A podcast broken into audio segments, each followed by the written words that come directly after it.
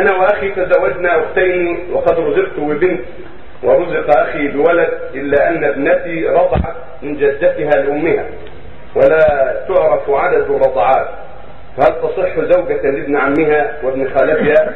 أفتونا جزاكم الله خيرا. إذا رضع من جدته أم أمه صار هذا لأولاد خالات فإذا رضع من جدته أم أبيه صار عما لأولاد عماته فلا يجوز النكاح. لكن إذا كان من الرضاع غير مضبوط ما يدرك عدد الرضاع لا يثبت به التحريم. لا بد يكون الرضاع مضبوط. خمس مرات أو أكثر. خمس رضعات أو أكثر. هذا هو الرضاع المحرم. فإذا كان الرضاع لا يعلم عدده أو أقل من خمس رضعات فلا يحصل به التحريم. من باب دع ما يليق من باب دع ما يليق لكن لا يحرم. إنما هو من باب الشبهة. تركه إذا في شبهة يكون تركه افضل إذا اشتبهوا في الرضاعه كم عدد الرضاعه تركه أفضل. لكن لا يحرم إلا بالضبط خمس رضعات